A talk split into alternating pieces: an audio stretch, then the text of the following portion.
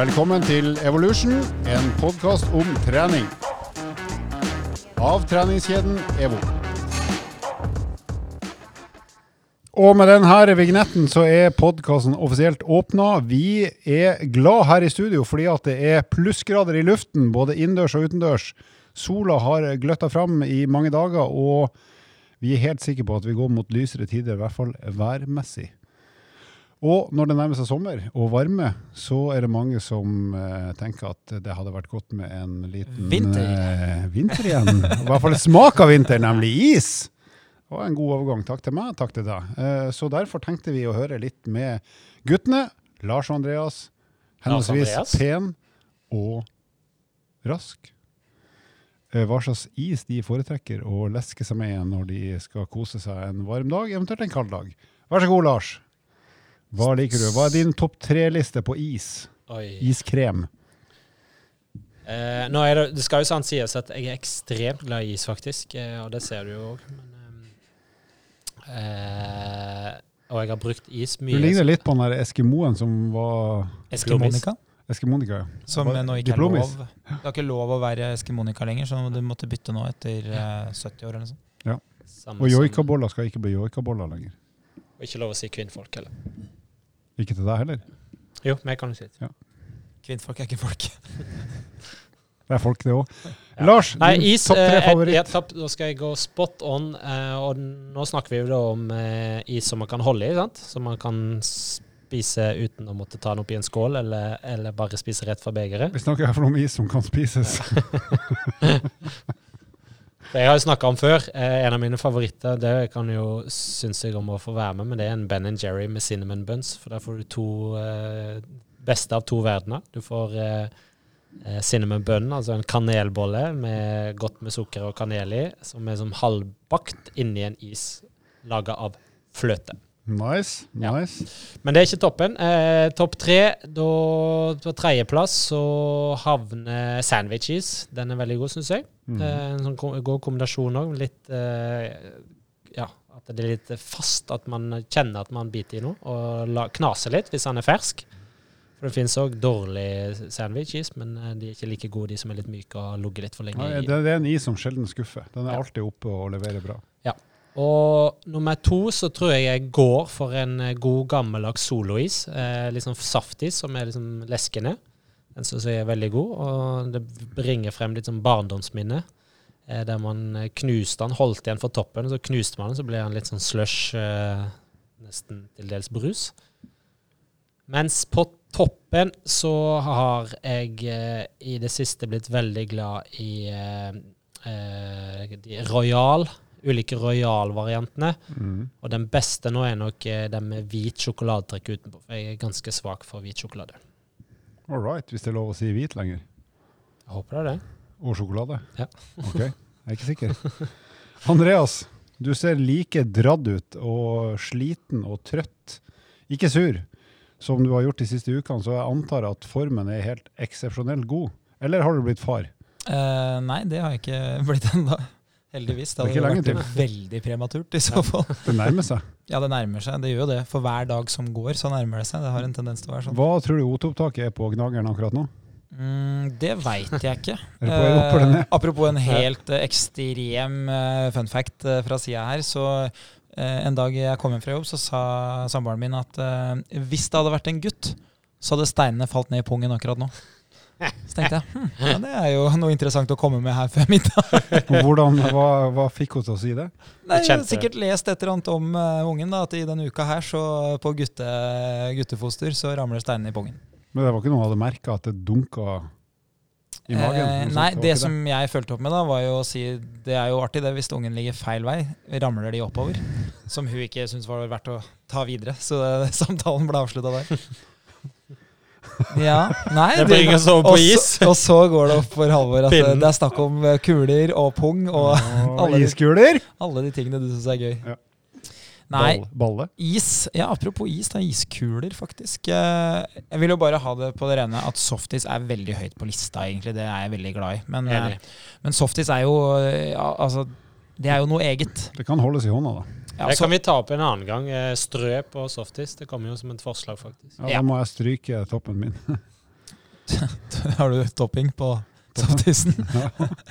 Nei, vi, eh, vi holder oss til eh, utvalget som finnes i isdisken.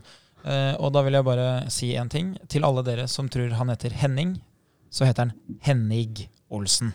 Holm. Det er ingen N. Pastor Hennig Olsen, ikke Henning. fra Sjekk det neste gang du er i isdisken. Men med det sagt, topp tre. Uh, det er kremis som er vinneren hos meg. Saftis, det er fryst brus. Det er ikke en vinner. Nummer én får dere til slutt. Nummer tre får dere først. Solero. Solid. Den som er krem inni og gul utapå. Oppkalt etter Erik Solero.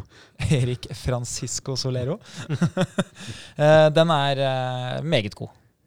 Eh, nummer to, det er som Lars, det er uh, Mr. Sandwich.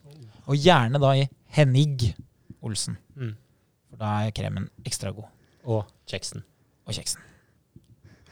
Og så, og bare sånn fra sida her, den der svenske varianten av eh, sandwich, den funker Glem ikke. det. Nei. Ja, den funker ikke. Maks sitt. Eller. Da har vi bare én ting å si til Sverige. Prøv på nytt. Ja. Prøv med glass på nytt. Glass. Nummer én, ubestridte vinner, finnes òg i tørrvareavdelingen. Snickers. Ja, den er god, den. Ja, den er, Den er faktisk den er eh, Vet du hva jeg trodde du skulle si på topp én? En god, gammel slager som kommer tilbake igjen nå? Drillos. Yes. Drillo-is. Drillo. Og ikke Kristine, som er dattera vel, eller noe sånt, Olsen, men eh, Egil Drillo Olsen. Og til dere som har glemt det, ja, det fantes faktisk en pakke med pølser som het Grillos. Ja, men det har jeg benyttet mange ganger rundt Sognsvann. Det er ganske kult. Det er veldig kult. Altså, da er du helt det var dattera hans som var opphavet til, eller? Ingen kommentar. Ja, hva er dine favoritter? Ja, da begynner jeg på topp eh, tre òg, gitt. Begynner med tredjeplassen. Der er faktisk Snickersisen, akkurat som Andreas, men du har den på topp, jeg har den på nummer tre. For det, er, det eneste ulempen med den er at den, eh, den burde vært større, men hadde den vært større, så hadde den smelta før det ble ferdig. Så sånn sett så skjønner jeg størrelsen, men den er så god at den burde vært større. Men jeg skjønner at det ikke går an i praksis, for når du holder den i hånda, hvis det er tillatt å si Tenker du på en snickerskis nå? ja. Så stor som et brød. Det har vært godt, det. Skåret som brødskiver. Og så spist kaffe. Så den, eh, den er god, og den eh, pleier jeg ofte å ha i bilen som is. Jeg pleier å kjøpe to iser i slengen, så da tar jeg den først. Og så tar jeg den andre isen som kommer nå. Og der er min nummer to, det er daimis. Altså sånn kronis-shape. eh. Daim-is, den er også god, og den kan jo da vare litt lenger, for du kan holde i kjeksen. Og på toppen så er det Nonstop-is, som er helt uovertruffen god. Det, er litt for få Nonstop, men den isen syns jeg er helt nydelig. Burde også vært flere Nonstop i bånn av den, men. Liker du da McFlurry med Nonstop-strø på Det er McDonald's? Det er godt. Men når vi kommer til softis en gang i mai, når vi skal feire 18. mai, så eh, kommer jeg til å røpe at jeg foretrekker å ha strø både over og under. Jeg vil bare ha en, en tilleggsliste her. Eh, kun én is. Vi hadde jo det når vi hadde brus òg. Da fikk vi jo legge til eh, eh, en runner-up. wildcard, en er joker. Nå er det ikke en joker. Nå skal jeg ha uh, absolutely low. Hva er helt nederst? Hvilken is i isdisken er helt, helt nederst? Ja, Som er så vond at du ikke ville hatt noen. Nei, der du tenker jeg at vet du, det hadde vært like greit å Ta heller knekkebrød, liksom. Ja. Ja. Da er nok jeg på en eller annen form for saftis, tror jeg. altså. Uh, uten at jeg klarer å spesifisere ark, uh, hvilken. Jeg hadde jo lenge lakrisis, for jeg spiste jo ikke det som barn. Så det var jo, hvis du serverte meg det, så kunne du liksom droppe det, for det spiste jeg ikke. Men nå liker jeg jo lakris, så det har endra seg. Men nå har jeg fått eh, faktisk eh, to på lista. Og det var eh, is i fjor eller forfjor fra Diplomis, som da var Camilla Pil og hun eh, treningsfrue, som hadde lagd hver sin is. Som skal være sånn oh, ja, sunn is ja, ja, uten sukker. Var. Med veldig få kalorier. Og det har jo ikke noe med de som fronter isen å gjøre, de har jo bare satt sitt navn på den. Men problemet er jo at da har du lagd en is uten søtsmak. Så da kunne du jo liksom bare ha spist is fra fryseren som du vanligvis bruker i eh, drikke. Eller bare fått utlevert en pinne og sagt at den isen er spist. Så det, jeg kjøpte den én gang, for jeg tenkte hm, hvis denne funker, så kan du jo spise 1000 is, for det er jo ikke kalorier her. Eh, og det kunne du da altså ikke gjøre, for det var ikke noe godt. Jeg støtter den. Den var helt Nei, mm, De er fryktelig tørre. Sånn, det er null. Det er knekkebrød. Nei, jeg har ikke Jeg tror eh, da må det være noe pistasje. På en eller annen måte. Jeg er ikke glad i pistasje. Det Det var jo en runner-up på min. Ja, den eh, pistasje, så- Royal med det er jo smak og behag. Ja. Mustasje derimot, det liker jeg ikke. Og med dette håpløse, dårlige poenget, så lages det en lyd.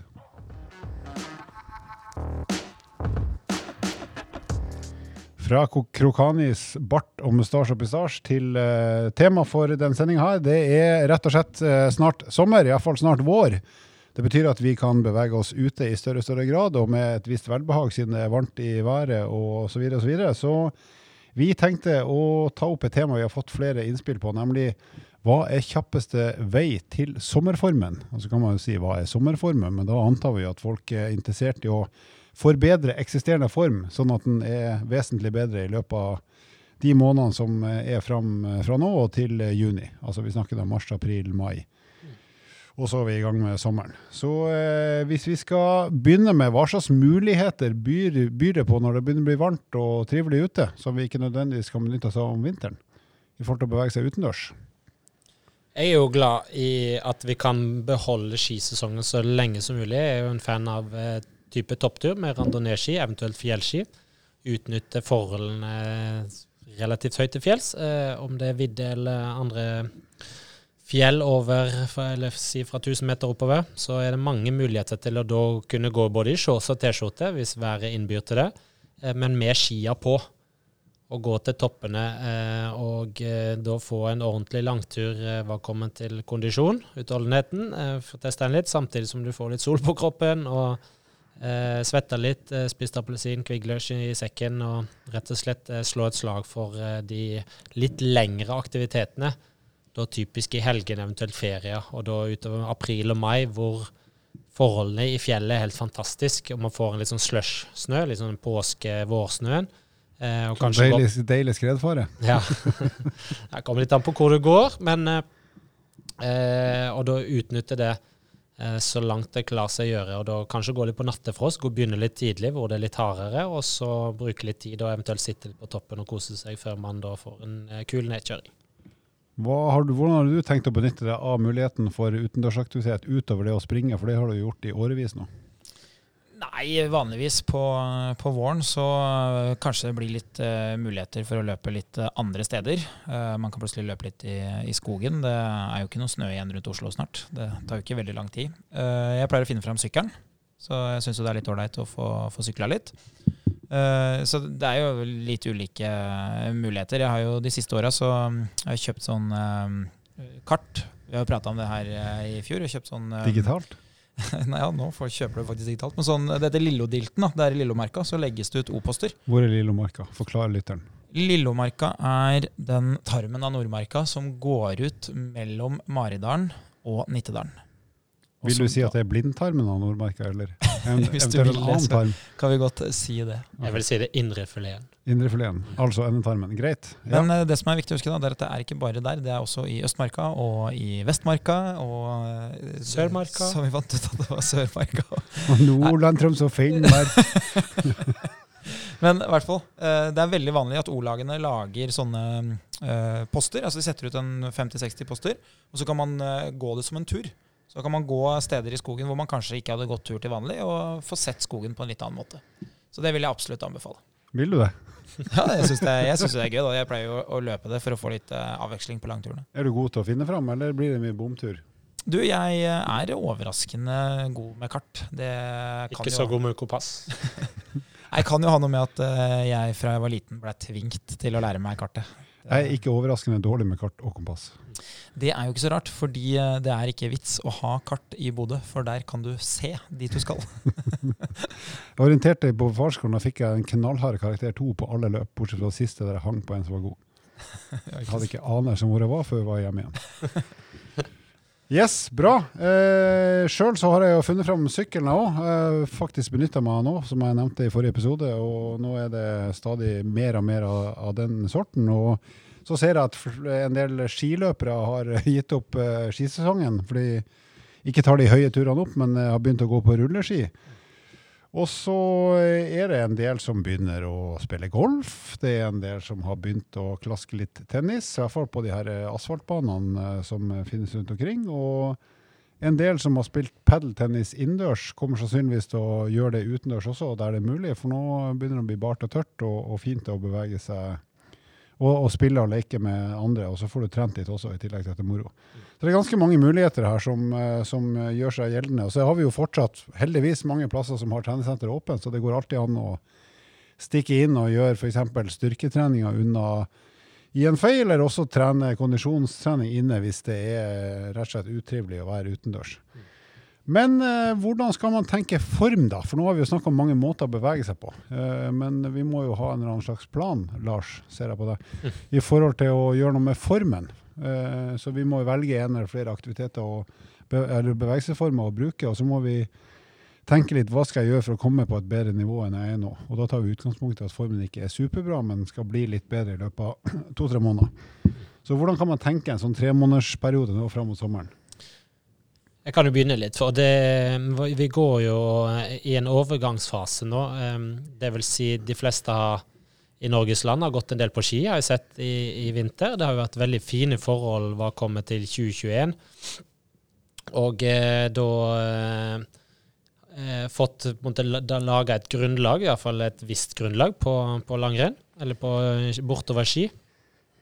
Så det man skal tenke litt på nå, er å, å være litt tålmodig. Hva kommer til eh, spesielt det med den eh, støtbelastninga som vi får litt mer av når vi nå begynner å løpe, eventuelt begynner å gå litt mer.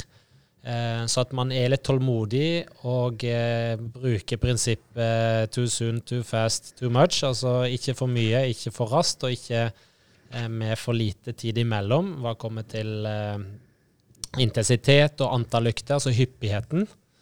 Eh, så, sånn at vi er rett og slett tålmodige eh, når vi velger hvor mange økter vi kjører per uke, intensiteten på det, og ikke minst litt i forhold til bevegelsesformen. Så det du egentlig sier nå, at både overgangen fra vinteraktivitet, som typisk skal være ski, og, og til kanskje løping, gåing, være litt smart der, ikke starte for brått, og også det med kanskje overgangen fra å ikke trene så veldig mye til å ha et ønske om å komme i god form, at du ikke peiser på fra første økt? Ja, at du skal ta igjen det på en måte du har tapt. og Det er liksom dumt. og rett og slett, selv om man da er veldig ivrig og går på med ekstremt mye mot og eh, intensitet og motivasjon, og så får man seg en liten knekk.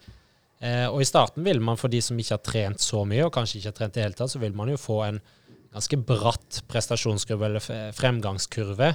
Så at man eh, bruker den eh, til selvfølgelig å holde motivasjonen oppe, men òg eh, vite at det før eller siden så vil det flate litt mer ut, så man, man klarer å holde eh, ja, rett og slett hyppigheten oppe kanskje det viktigste. At man får trent nok i løpet av en uke og beveget seg nok. Selv om det vil flate litt ut. Så utgangspunktet, la oss si at de første to-tre ukene av denne perioden fram mot sommeren, så er rådet ta det litt med ro med intensiteten, eller farta, da, hvis du skal gå eller løpe. og... Eh, og ikke være for hissig på varigheten på treningene heller, sånn at du har en del å gå på, både på intensitet og varighet. Ja, og det er veldig lett å bli, eh, bli skada. Altså de skadene som da kommer, kan da sette litt tilbake hva kommer til belastning spesielt, altså belastningsskade, som fort kan bli kroniske og sette seg over lengre tid. Og da er det mye bedre å tegnes fine figurer her, men å bruke litt tid og være litt smart. Og du Andreas, du har jo som gammel skiflyger opplevd denne overgangen fra vinter til vår ganske brutalt. Ja. Hva er dine tips for, eh, som Lars sier, det her med å være smart i overgangen og ikke, ikke kjøre for hardt fra start? Hvordan kan man etter en sånn pen oppbyggingsfase, hvordan kan man på en måte ta neste steg i treninga når du har kommet i gang uten å bli skada? Eh, det er jo egentlig, egentlig, det samme man gjør når man faktisk er skada, som er eh, trikset. Og det er jo å kanskje underdrive litt oppstartsnivået. Så man tenker at ok, i fjor, da når jeg begynte å løpe etter vinteren ute, så Uh, husker jeg ikke hvor fort jeg løp, men jeg husker at de, de siste turene jeg løp, da løp jeg over en time sammenhengende. Det betyr neppe at du er i stand til å løpe en time sammenhengende når du starter. Så eh, jeg pleier å si at den aller aller beste delen av treninga, det er de første ukene når man begynner med noe nytt. For da har man lov til å underdrive, og man har lov til å være litt feig. Og så får du framgang billig. Ja. Så jeg ville tenkt at ok, hvis jeg løp en time som det siste jeg gjorde i fjor, så ville jeg kanskje tenkt at jeg løper 10 minutter første gangen, 15 minutter andre gangen, 20 minutter tredje gangen. Da er jeg helt sikker på at ikke jeg får noe trøbbel.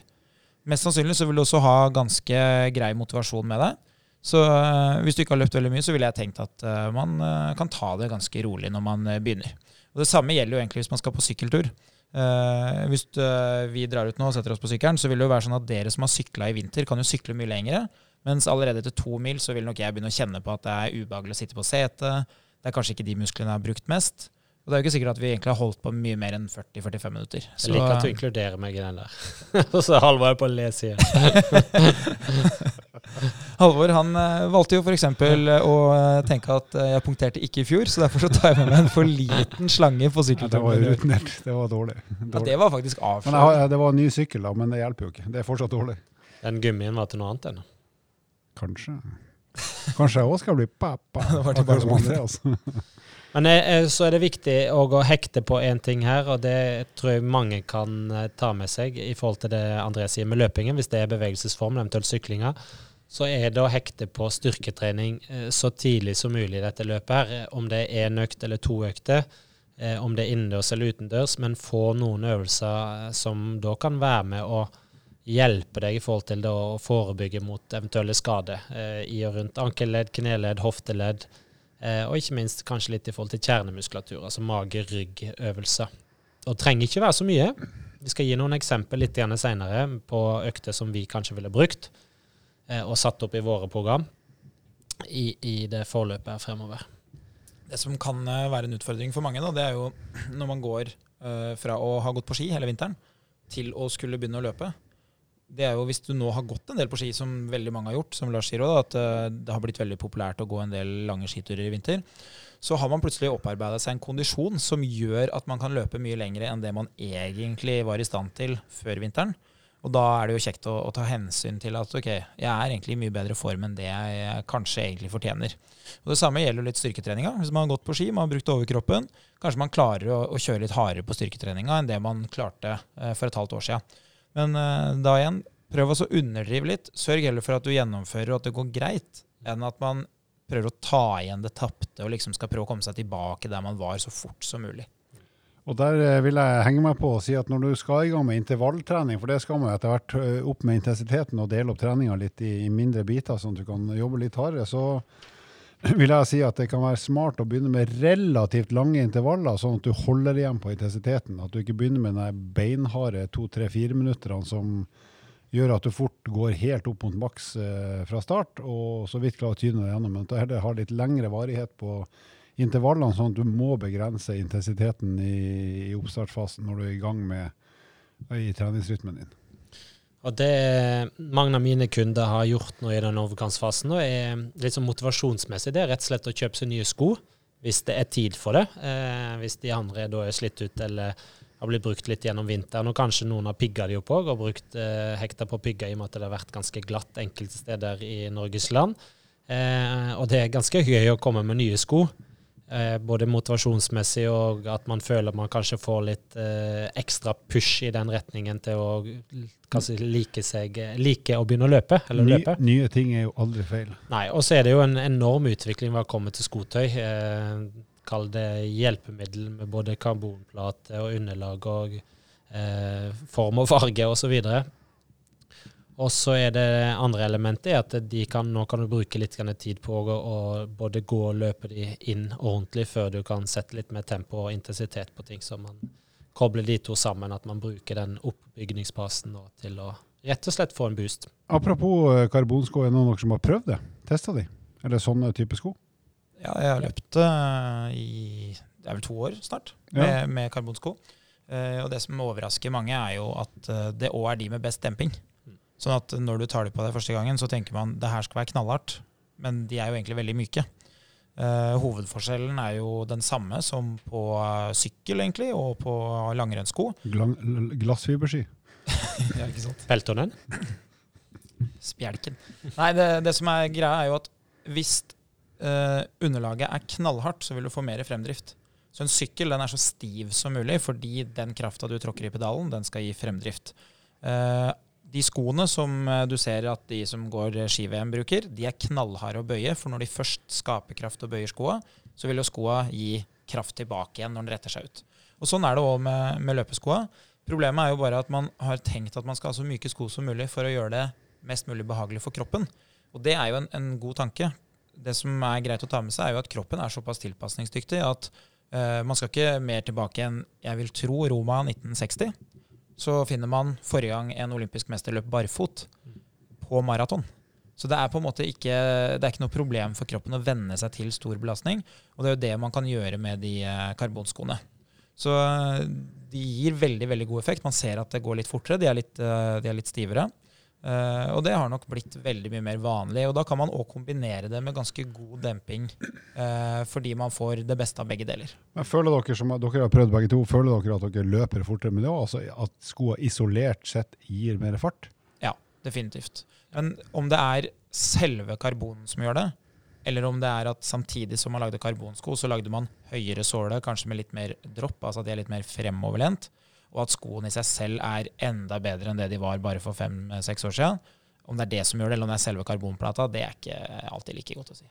Nei, og så handler det mye om, for min del i hvert fall, om, om følelsen når foten, nei, eh, skoen sitter på foten. For det er mange av de avhengig av merket, for nå er de fleste merkene begynt å produsere ganske høyteknologiske sko var kommet til det skummet, altså innholdet rundt selve karbonplata, og hvor karbonplata ligger, og eh, hvor mye stivhet det er i karbonplata. Men det er den selve følelsen jeg syns er veldig jeg bruker uttrykket deilig. altså Man føler at han sitter godt, og du, du flyr litt. Og så er det andre aspekter rundt det som jeg tror mange skal ha med seg. Det er eh, Kall det placeboeffekten rundt det. At man tror at det går veldig mye furt. Og det gjør jo det, for det, det er ikke alle det ser sånn ut på når man løper. Tro er sterkere enn realiteten. Jeg har en, en kompis som har løpt en god del det siste året, og som virkelig har fått sansen for løping og uh, blitt veldig god da, på å gjennomføre uh, intervaller. Med faren din det burde vært. burde vært. Han var ute og gikk på ski i går, faktisk. Gikk ganske fort før han dro hjem fra hytta. Altså. på glassfiber. På glassfiber. Han, ja, han kunne vært konservativ nok til å bevare de treskia sine, han, et år til. Bare fordi at det gikk bra i eteren. Nei, eh, han, kompisen min han har løpt en, eh, en god del. Uh, fått ganske fine løpstider på, på 1000-meterne sine, og funnet gleden ved å, å løpe litt lengre turer, høre litt på podkast. Hører jo kanskje på den her av og til. Uh, og det som er litt morsomt da, når vi snakker litt om sko og utstyr og sånn, det er jo at idet man kommer til det nivået og begynner å kjenne litt glede på det, så begynner plutselig utstyret å bety litt. Så han har jo da uh, tenkt å investere i et par Kall det liksom sånn litt langkjøringssko, da, eller sånn rolig løpingssko. De trenger ikke å sitte så stramt, de kan gjerne ha god såle. Litt mer komfort. Ja, Så når du tar på deg de, så tenker du at ok, dette her er en hør på podkast-tur. Det her er noe jeg kjenner på at det er eh, litt ålreit trening. Nå skal jeg ikke slite meg ut. Og så eh, tenker han da å investere i et par sko som skal være lette. Kanskje de har litt tynnere såle, eller at de har karbon. Sånn at når du tar på deg de, så tenker du at ok, de skoa her, de, nå skal det løpes litt fortere, nå skal det svettes litt, det skal være litt tøft. Men samtidig så vil jeg føle at de skoene, de, de vil også være med på å ha litt høyere fart.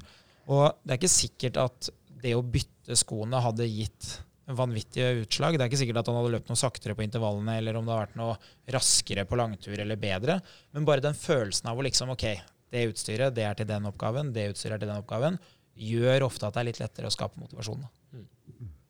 Ja, men Det er moro med og Jeg har jo da begynt å sykle, ikke sant? så vi er jo nå fanga i et evig jag etter eh, ny sykkel. Selv om den vi har er altfor god for oss, så er det alltid kult å tenke at kanskje jeg kan få enda bedre fart med enda dyrere da, ofte eh, utstyr. Dessverre. Det er ofte vekta som avgjør både hva kommer til sykkel og alt annet, annet utstyr du har på deg. Ja, men det endrer om den illusjonen om at uh, det er noe annet enn meg sjøl det kommer an på, er litt sånn deilig å tenke at, eh, at det går an å kjøpe seg bedre.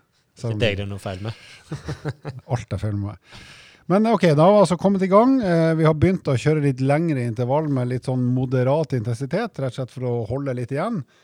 Og så er tida kommet, la oss si at nå har vi begynt å bikke over i mai, så nå er det på tide å gasse på litt. Begynne å trene med enda mer intensitet for å løfte formnivået ytterligere, enten du sykler eller løper eller går på rulleski eller hva som helst.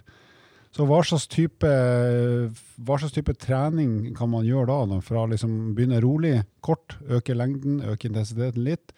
Begynne med litt lengre intervall med begrensa intensitet. Hva er neste steg når vi kommer inn og begynner å nærme oss sommeren for å liksom ytterligere øke formen?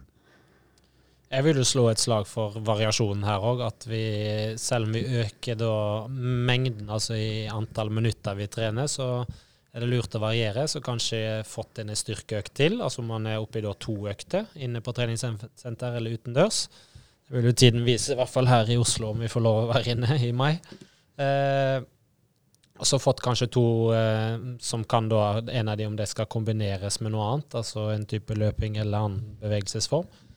Og så er det å variere nok. Vil si det å variere bevegelsesformen. Kanskje man da skulle fått en, en ordentlig langtur på sykkel, f.eks. Altså at hvis man har landevei eller stisykkel eller terrengsykkel, at man får de én, to, tre, fire timene på sykkelsetet, som da er mye mer skrånsomt for beina, men eh, bra trening for hjertepumpa.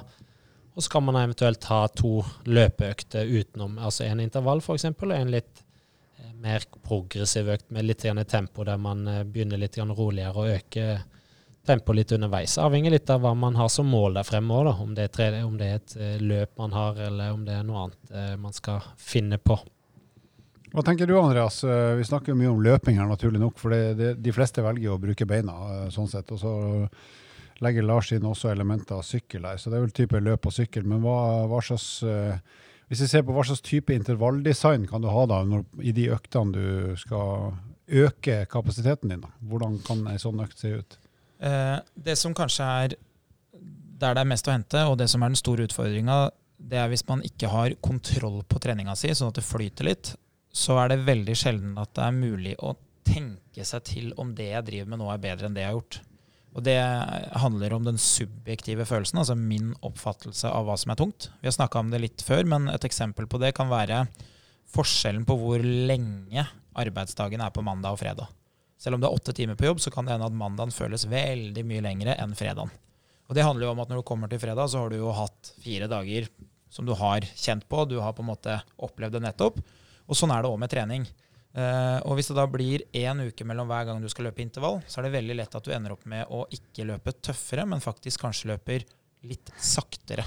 Så en del studier som er gjort på det med subjektiv uh, uh, følelse, viser at folk faktisk presterer dårligere og dårligere hvis de skal tenke seg til at de skal gjøre noe som er like hardt som forrige gang. Og Da finnes det noen metoder, enkle metoder for å unngå det, og det er jeg veldig fan av og bruker det mye for de kundene jeg har. Så det jeg sier da, det er at vi lager en økt som vi skal gjenta hele tida. Uh, og den skal vi gjenta én gang i uka, og det skal vi holde på med helt fram til sommeren. Og det er den som skal dra oss i god form. Så for å gjøre det enkelt, så kan vi si at uh, vi i dag velger en økt som er fire minutter. Fordi det er en sånn passe distanse til at det er lenge nok til at du får opp pulsen, men det er kort nok til at du klarer å gjennomføre. Og det passer både for de som er kjempegodt trent, og det passer for de som er veldig dårlig trent. Eh, for de som ikke kan løpe i det hele tatt, så vil en sånn økt være en fin metode å bruke for å begynne å løpe. Så alt er gående, bortsett fra fireminutterne, som er løpende. Eh, og da pleier jeg å si at man har ti minutter oppvarming, enten gående eller løpende. Så har man da fire minutter på. Så får man to minutter pause imellom hver gang. Og det skal gå eller det skal stå, det, det handler bare om å hente seg inn. Så du gjør det du trenger for å være klar til en ny runde? Ja. Og så holder vi på sånn til vi når fem runder. Da har vi 20 minutter. Og da har vi mulighet til å starte litt rolig på den første og gi litt gass underveis. For da har vi nok minutter til at vi får styrketrening på hjertet. Og så tar vi oss eh, to minutter eh, hvile etter vi er ferdig med den siste, for da er vi jo ganske slitne. Og så tar vi fem minutter hvor vi enten jogger eller går etterpå for å få lov å la kroppen eh, rydde opp litt i, i systemet. da. Og da vil du, hvis du har da ti minutter oppvarming og fem sånne fire minutter, så holder du på i faktisk over 45 minutter. Så det betyr at hver eneste økt du gjennomfører, vil alltid bli 45 minutter pluss. Så det vil være en god treningsøkt. Mm. Det vil være den referanseøkta di du det, snakker om? Ja, det vil være ja. en type referanseøkt. Mm. Og så er jo spørsmålet hvordan skal vi sikre at den økta blir bedre eller like bra? For nå har vi sørga for at den er lik. Nå har vi sørga for at vi kan kopiere økta, og at vi kan se om vi blir bedre. Og da er det sånn at Hvis du løper på mølle, så er fart den beste indikatoren. Så hvis jeg løper fortere, så er jeg i bedre form. Men ikke begynn å kødde med stigning. Så enten stigning eller fart. Så hvis du løper på samme fart, men øker stigninga, altså at du løper i, i brattere og brattere motbakke, så er det egentlig kjempebra. Men hvis du begynner å kødde litt med både fart og stigning annenhver gang, da kan det fort bli vanskelig. Så hold deg til én fast stigning, og bruk fart. Så det er på mølle. Og hvis du løper ute, så har man da enten at man bruker lik tid, som er det vi snakker om her, at man løper i fire minutter, og så ser du OK, forrige gang så stoppa økta mi her. I dag så er jeg 200 meter lenger bort i gata. Ok, Det jeg har gjort i dag, er bedre. Det som er viktig å huske da, det er bare at i pausene så må du gjøre det samme. Så hvis du går i pausene, så må du fortsette å gå. Hvis du står, så må du fortsette å stå. Så at ikke du eh, forrige økt gikk bakover, men i dag går du fremover i pausene. Og Den siste muligheten det er jo at man rett og slett velger fast distanse. Uh, og det er jo noe som er veldig veldig vanlig hos en del. Det er jo at man da sier at ok, det er fire minutter det tar meg å løpe fra den lyktestolpen her og helt bort til andre enden av gata. Uh, og så gjør du akkurat det samme som vi har sagt i økta her, men istedenfor at du holder deg til fire minutter, så kanskje det blir tre minutter og 55 sekunder, det blir tre minutter og 48 sekunder, og så ser du på tida at du faktisk har blitt i bedre form. Så du løper samme distanse, men du løper raskere og raskere hver eneste gang. Og det du sier her, De øktene her, eller den måten å tenke på, kan du jo også gjøre på, applisere på rulleski eller sykkel eller hva som helst. Altså F.eks. bakkedrag i sykkel. Se hvor langt opp du kommer i bakken i løpet av fire minutter, f.eks. Eller sykle like langt hver gang, men se at tida går ned. type eh, Fra uke til uke. Så, så, det er egentlig nesten uansett bevegelsesform, så kan du bruke den oppskrifta. Ja, og den vanligste måten å gjøre det på, er jo i eh, motbakke og at pausene er bakover, altså i nedoverbakke. Og da kan du egentlig gjøre det når du går òg. Mm. Så du kan egentlig si at eh, nei, dagens oppgave det er å dra til bånn nedafor nedenfor Holmenkollen. Og så skal jeg gå i fire minutter ganske fort. Snu meg, gå litt rolig ned i to minutter og gå oppover. Og når jeg kommer opp på toppen, så skal jeg ta T-banen hjem igjen. Da vil du få akkurat den samme effekten på hjertet som om du hadde løpt flatt. Så det er fullt mulig å gå, eller om det er å sykle. altså Det er ett fett, men det viktigste er at det blir et system som er likt fra uke til uke at det gjennomføres hver uke, og at det blir litt tøffere hver gang. Og da nærmer vi oss eh, det jeg har satt opp på agendaen som våre egne tips til sånne to superøkter som vi er ganske sikre på at skal fungere nesten uansett utgangspunkt og bevegelsesform. Så da kan jeg være så frekk og freidig at jeg begynner med mine egne tips. Og da tenker jeg da primært for syklister. Og at du da kommet, du er godt i gang, så du er liksom i stand til å trene med bra intensitet. Så da er den første av de to øktene jeg har sagt at du bør gjøre ukentlig, det er bakkedrag som varer i et sted mellom fire til åtte minutter. Litt avhengig av lengden på bakken og, og formen din. Eh, og skal du kjøre ikke mindre enn åtte av de. Det er ganske mye, men sykkel er litt annerledes enn løp. Du trenger en ganske stor dose der, i og med at sykling stort sett tar ganske lang tid. Så åtte drag på et sted mellom fire til åtte minutter, og, og da en motbakke der du kjører jevnt tøft. Men du skal alltid kunne ha kjørt et par minutter til hvis du måtte når du er på toppen eller i slutten av bakken. Sånn at du skal klare å gjennomføre alle de åtte dragene med høy kvalitet, men, men likevel så hardt at du får trent både eh, hjertepumpa di og muskulaturen som skaper kraft i, i sykkeltråkket. Og den andre økta den er ganske tøff, men det er rett og slett at du varmer opp et kvarters tid. Og så finner du ei fast løype, gjerne relativt rett eller småkupert, og så sykler du så jevnt hardt du klarer i et sted mellom 30 til 60 minutter, litt avhengig av hvor gira du er og hvor god form du er men at det blir nesten en sånn temposykling. Eh, der du ikke trenger å dø hver gang, men du skal rett og slett prøve å, å, å teste deg sjøl for å se har jeg blitt bedre til å skape fart over tid. Hjelper de her intervallene meg å og normalt sett så vil du jo, så lenge du kjører samme løypa, det er omtrent samme vær, så vil du jo se at det kan være en veldig god indikator på at du faktisk har blitt bedre til å sykle. Så det kan hende at du bare kniper en par sekunder i motbakken fra uke til uke, men du ser at uh, det hjelper veldig når du skal legge sammen mange minutter sammenhengende med ganske høy uh, kraftutvikling og tøff jobbing. Så de to øktene der, åtte ganger fire til seks minutter, pluss en sånn eh, tempovariant som varer fra 30 til 60 minutter, det er mine tips til de som har kommet opp et ålreit formue på sykkel og har lyst til å utvikle seg videre gjennom sommeren. Da setter vi over til uh, løperen her. Andreas? Uh, ja, to uh, forslag. Den ene var jo da den vi tok i stad, for å gjøre det enkelt. Det er jo da fem sånne fire minutter. Oppvarming ti minutter og nedtrapping fem minutter etterpå.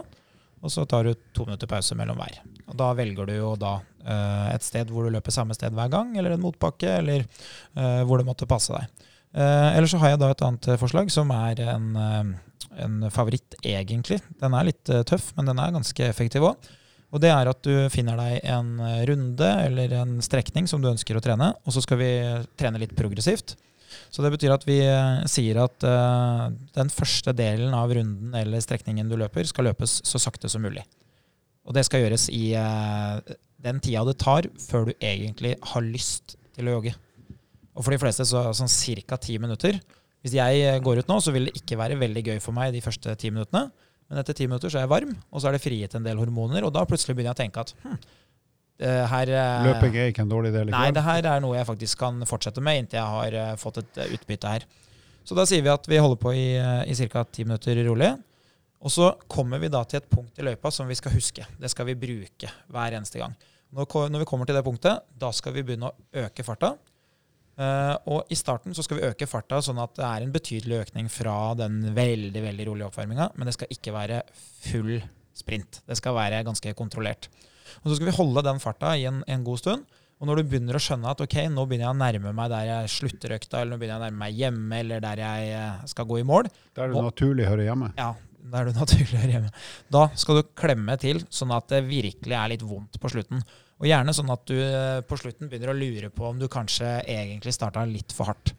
For det som ofte skjer der, er at du får den samme effekten som du løper intervall. Du starter veldig rolig, som er bra for kroppen. Så bygger du opp eh, til at kroppen egentlig bruker veldig mye energi. Kanskje du egentlig bare akkurat klarer å få inn nok oksygen. Og så på slutten så løper du altfor fort. Og på slutten da så får du veldig god styrketrening på hjerte og lunger. Så det er en sånn typisk progressiv økt som egentlig da går litt fortere hele tida. Og hvis du da får med deg hva tida var etter de ti minuttene med oppvarming, så at du ser ned på klokka og ser at ok, nå er klokka si 12.53, da. Og så klinker du til i den delen derfra mot mål, og så ser du ok, ja, nå har jeg brukt 21 minutter. Hvis du gjør det hver uke, så er jeg nesten sikker på at du kommer til å løpe fortere hver eneste gang. Og så, Lars, hva er, din, eh, hva er dine gulløkter eller gullvarianter for å Da, I og med at vi har da dekka ganske godt på både sykkel og løp, så, så slår jeg et slag for styrketreninga igjen. Og da en ren eh, styrkeøkt eh, for å både bli sterkere, men òg for å forberede seg på litt eh, den andre aktiviteten og de tingene som kommer litt utover våren. Og det er en tradisjonell styrkeøkt. Det tar ikke mer enn eh, 40 minutter. Jeg ville valgt ut seks styrkeøvelser.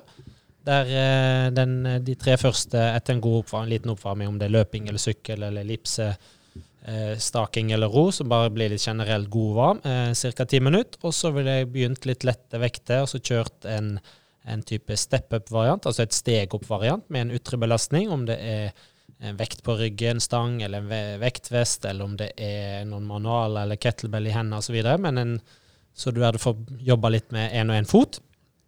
Type 10-20 repetisjoner, tre serier. Eh, Og så ville jeg hatt en knebøyvariant med. Eller en markløftvariant, hvis det er noen som liker den varianten bedre. Men rett og slett bare for å få belasta både forside, bakside lår og setemuskulaturen, i tillegg til at vi må jobbe ganske godt med kjernemuskulaturen. Og så ville jeg hatt en rett og slett en øvelse for baksidelår, litt sånn isolert for baksidelår. Og der er det masse gode varianter. Vi kan jo eh, nevne slyngetrening, altså at man får der man bøyer kneet, altså trekker hælene eh, inn mot rumpa i en slynge f.eks., eller på noen sklimatte, altså de, de som, eh, som kom for mange år siden, catslides, eventuelt noen ullsokker eh, osv., eller en ball. Bare rett og slett for å jobbe da isolert med bakside lår. Så ville jeg hatt en, en pressvariant for overkroppen, en type pushups eller brystpress med noen manualer. Jeg ville ha tatt en, en, en trekkvariant, en sittende roing eller nedtrekk eller enarmsroing, rett og slett for å jobbe litt både med forside og bakside. Og så ville jeg hatt en, eh, en eh, mage-ryggøvelse. Og da, i og med at vi snakka litt om slyngetreninger her, så ville jeg kanskje hatt en crunch i slynga, eller eh, ja, noen eh, Jørgen Planken, hvis det er et alternativ. Altså rett og slett for å utfordre kjernen litt. Grann, både i forhold til å motstå en kraft, altså at man ikke skal sveie, men også få jobbe litt statisk. At man må få jobbe eh, ved å holde eh, posisjonen eh, gjennom hele bevegelsen. Og da type mellom 10 til 20 repetisjoner på hver øvelse. Tre serier. Eh, det trenger ikke være så lang pause mellom hver serie eller hver øvelse, men gjøre litt effektivt inn og ut. Og være fornøyd med det. Klappe seg på skulderen og gå derfra. Da har, da har du rett og slett fått kjørt gjennom hele kroppen, så basically så gjør du deg mer robust til å gjøre egentlig hva som helst annet. Alt mulig, både som kan fungere godt i hverdagen, og bære ting, barn eller sekker når man nærmer seg sommeren og skal på fjellturer. Man får forberede låra litt osv. Eh, og så ville jeg hatt en kombinasjonsøkt som den siste økta, og det er rett og slett en eh, sirkeltrening. Eh, Man kan òg bruke uttrykket crossfit, altså sånn eh, rett og slett sirkeltrening satt i system med litt kondisjon og litt eh, styrke. Eh, og da jobber jeg i et 40-20-prinsipp, så 40 sekunder på, 20 sekunder av mellom hver øvelse velge seg ut eh, tre, eh, nei, åtte øvelser. Og da gjerne inkludere noe som har litt kondisjon, altså type roing eller staking inni der, så man får brukt hele kroppen og får jobba ordentlig med, med, med hjertepumpa. Eh, men noen, kanskje noen spenstøvelser. Bruke bruker uttrykket boxjump f.eks. Eh, vi kunne hatt noen kettlebell-sving. Eh, her òg kanskje hatt en pushups-variant. Da rett og slett jobba kontinuerlig i 40 sekunder og 20 sekunder av. Og så jobber man gjennom de åtte øvelsene. Eh, kanskje én eller to minutter pause mellom de åtte, og så en ny runde tre ganger.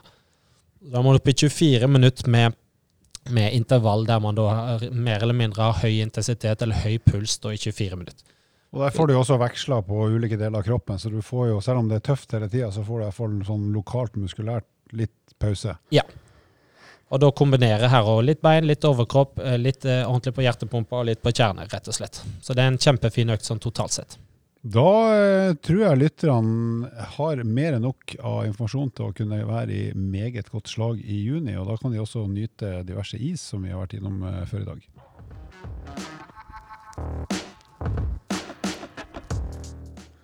Før vi avslutter, så må vi jo komme med en latterlig fun fact. Og i og med at det ikke akkurat er sommer nå, men det blir jo sommer om ikke så fryktelig lenge. og vi nordmenn er ofte litt sånn plagsomt eh, plaga av eh, regn og dårlig vær, iallfall når vi skal feriere i Norge. Eh, og det kan jo hende vi må gjøre i år også, eh, pga. diverse årsaker. Men eh, når du en gang får muligheten og skal være helt sikker på at du kan unngå regnvær og generelt dårlig vær, da bør du dra til en by som heter Calama, som ligger i Atacama-ørkenen i Chile. Og vet dere hvorfor, gutter? Hvorfor er det bankers? Det nikkes, ikke her, det er ganske tørt. Altså Der har det i Calama så har det ikke regna på 400 år. Altså 400 år. Så hvis det mot formodning begynner å regne da, så har det så uflaks, og da får du bare ta det som et tegn på at det er noe feil med deg, og ikke noe annet. Så dra til uh, Kalama hvis du er lei av uh, regnvær og drittvær. 120 000 dager uten regn. Ja, det er kanskje noe sånt. Det er ganske heftig. Lurer på om værmelderne der har det, har det spennende på jobb. Tenker du Fare for, di fare for digitalisering, da, hvis det er det samme skiltet som skal holdes opp hver dag. Ja, det er rått. Men da eh, ses vi ikke, men vi høres ganske snart. Vil du vite mer om trening? Abonner på podkasten og sjekk ut vårt treningsmagasin på evo.no.